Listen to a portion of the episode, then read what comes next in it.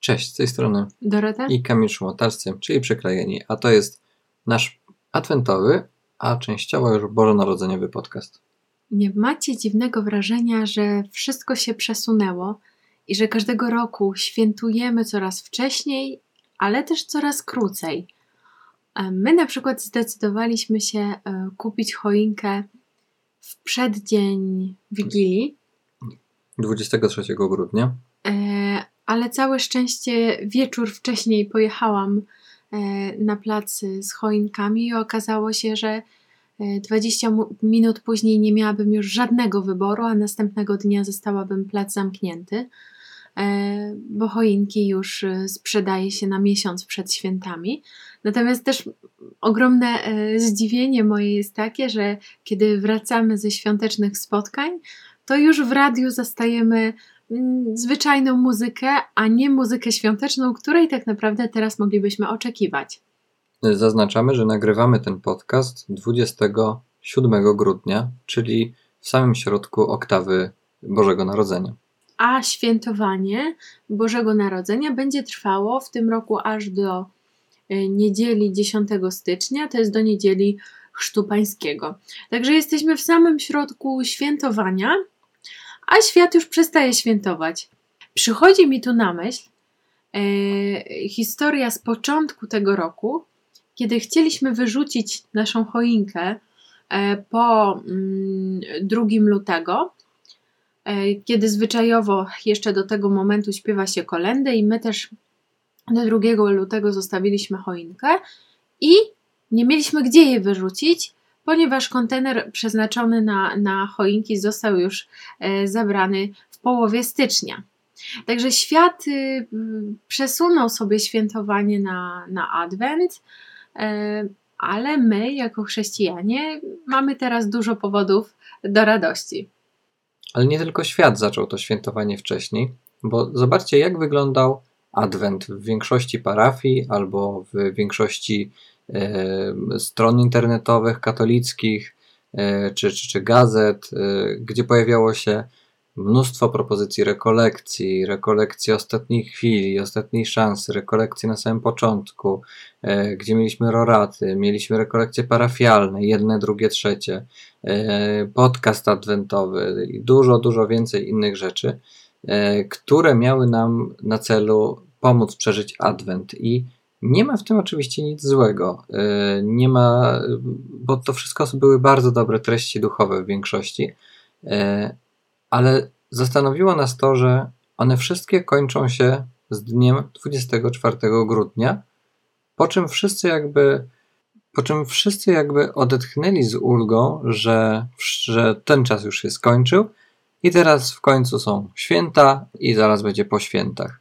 I trochę nie ma w nas na to zgody, żeby e, w taki sposób e, przeżywać ten czas świąt, tylko żeby właśnie to ten czas świąt był czasem, kiedy my możemy jeszcze bardziej nakarmić się tym, co daje nam Kościół w tym czasie.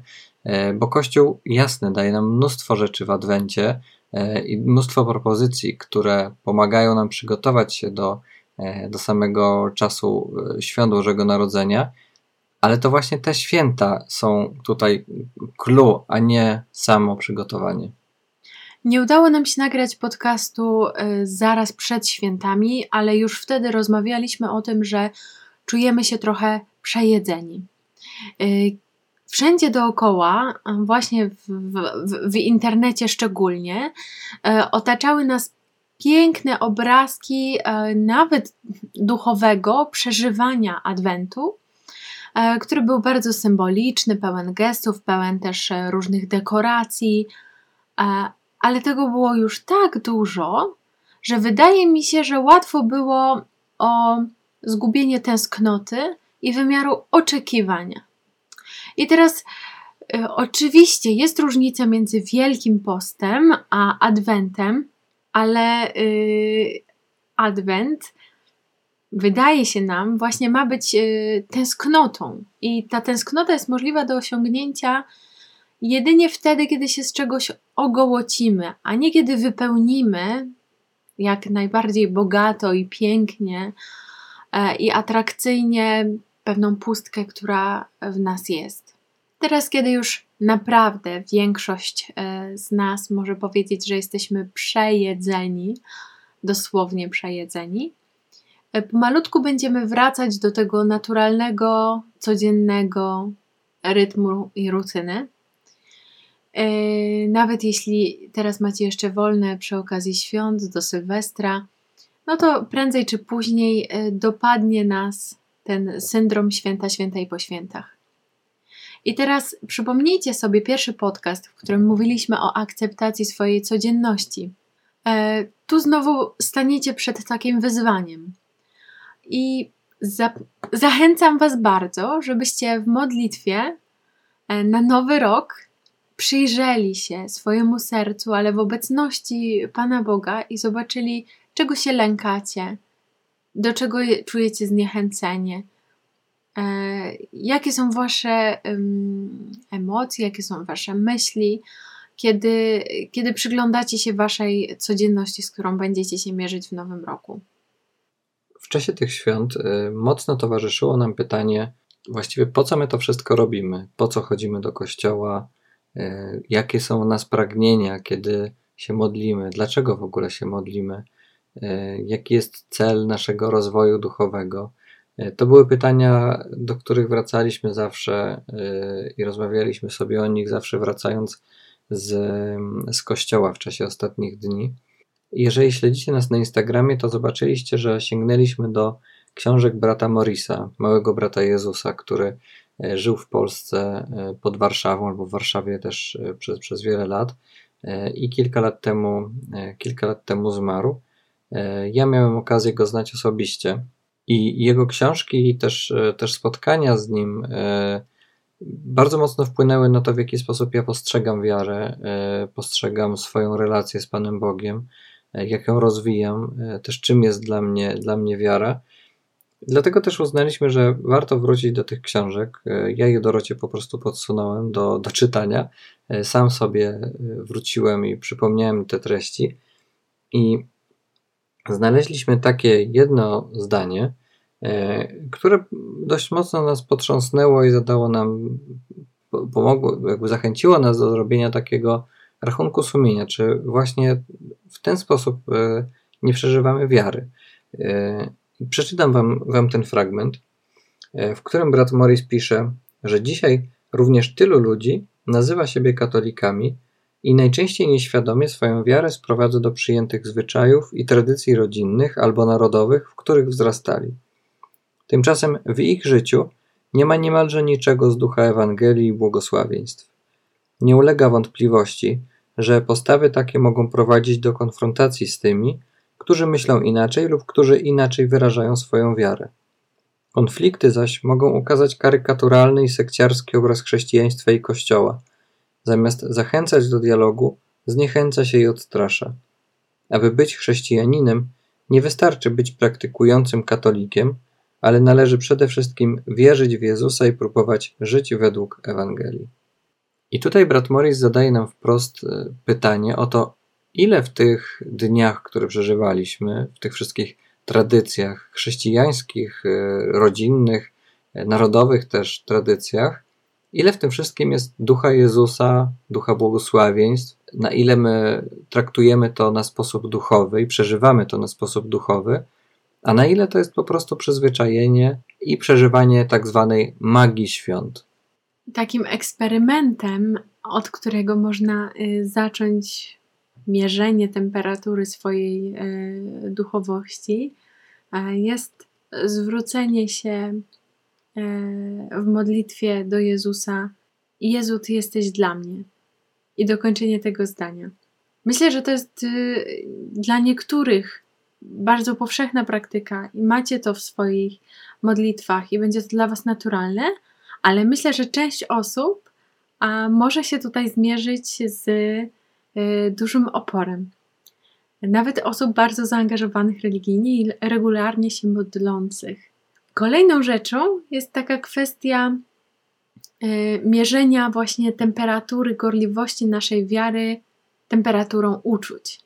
Na ile się wzruszyłem w kościele, mm, albo oglądając pasterkę, albo będąc w święta w kościele, przypuszczam, że wielu z Was mogło e, poczuć się trochę zawiedzionymi, bo będąc fizycznie przejedzonymi, a też zmęczonymi trochę tymi wszystkimi emocjami świątecznymi e, albo podróżami, e, i, i może też konfliktami rodzinnymi, wchodzicie do kościoła. A tam list kulu. Na, na przykład, tak? A spodziewaliście się czegoś innego, tak? Bardzo mi się podoba cytat. Znowu wrócę do siostry Borkowskiej i do oślicy Balaama, w której e, tak siostra pisze właśnie o uczuciach. Odczuć obecność Bożą? Czym pytam? Czym? Zmysłami? Niektórzy ludzie potrafią przez jakiś okres w życiu wywołać w sobie na żądanie pobożne uczucia, ale to jest tylko oszukiwanie samego siebie i kręcenie się wokół samego siebie. Jasne święta mówimy, że są magiczne i pozwalamy sobie na dużo zmysłowości, nazwijmy rzeczy po imieniu, tak? bo zmysłami chcemy odczuwać, ale znowu e, chcemy na nowy rok wezwać Was do takiego przemyślenia sobie swojej religijności i przemyślenia tego, po co ja to wszystko robię, dlaczego to wszystko robię, do czego mnie to prowadzi. Czy robię to z powodu Jezusa i Ewangelii? To jest odniesienie do tytułu książki brata e, Morisa. Pamiętacie, jak na początku tego podcastu mówiliśmy Wam, że to nie jest podcast, który ma Was do czegokolwiek zapalić, który ma e, jakoś stać się Waszym challenge'em, który ma Was do czegoś porwać i tylko po to, żebyście dali z siebie wszystko przez 20 dni i 25 grudnia wszystko porzucili, e, bo challenge został wykonany.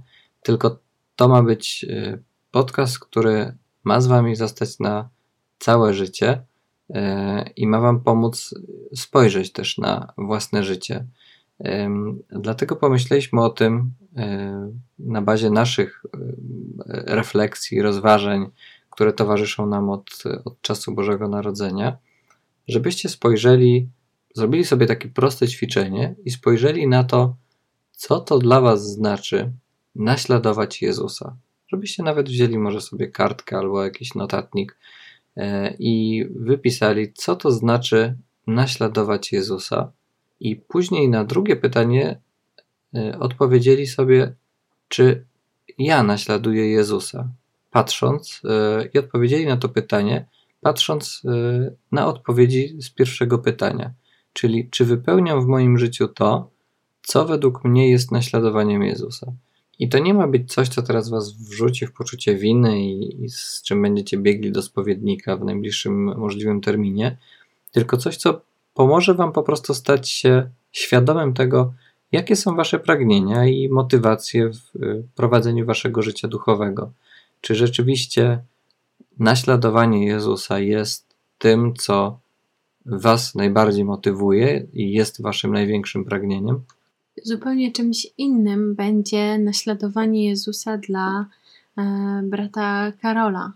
On widział w, y, swoje życie na pustyni, y, zajmowanie ostatniego miejsca, którego szukał, y, jako właśnie taki ideał naśladowania Jezusa, takiego dosłownego w ubóstwie, też dosłownego w znaczeniu życia w Nazarecie, fizycznie, tak, bycia w tej miejscowości Nazaret i tam funkcjonowania na sposób Jezusa. E, I tu jest właśnie różnica, że brat Karol w taki sposób rozumie swoje powołanie, naśladowanie Jezusa, a jak wy widzicie swoje powołanie e, i naśladowanie Jezusa w tym powołaniu, w którym jesteście.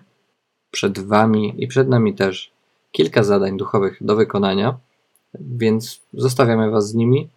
Czekamy też na wasze świadectwa, jeśli tylko będziecie E, chcieli i mieli odwagę się, się podzielić tym, co myślicie o tym, o tych naszych refleksjach, o, tym, e, o tych naszych rozważaniach, e, to prosimy Was, dajcie nam znać, czy w komentarzu, czy w wiadomości prywatnej. Każda taka Wasza wiadomość ma dla nas bardzo duże znaczenie. Do zobaczenia w następnym odcinku podcastu.